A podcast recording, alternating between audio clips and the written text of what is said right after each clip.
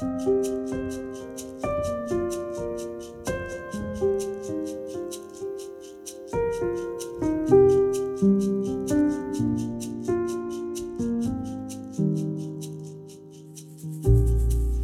står skrevet i Johannesevangeliets kapittel 15, vers 15. Jeg kaller dere ikke lenger tjenere, for tjeneren vet ikke hva Herren hans gjør.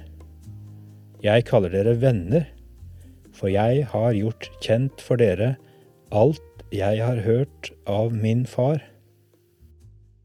Å være Jesu venner er å være de han sender, hans egne representanter rikets betrodde informanter. Jeg trodde det skulle være lettere å være venn enn tjener.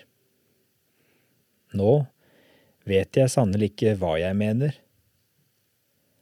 Jo da, arbeidere svetter for daglig brød, og slaver frykter pisken. Ingen ønsker å blø.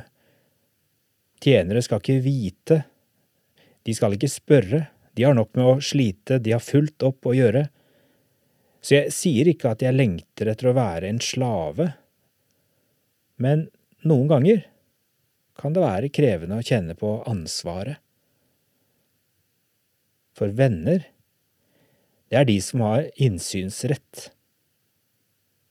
Å kjenne hemmeligheter er ikke bare lett. Jesu venner blir med i det innerste rådet, med myndighet til å gjøre rett og til å vise nåde. Mine venner kaller jeg dere til å være, sa han den dagen til sine kjære.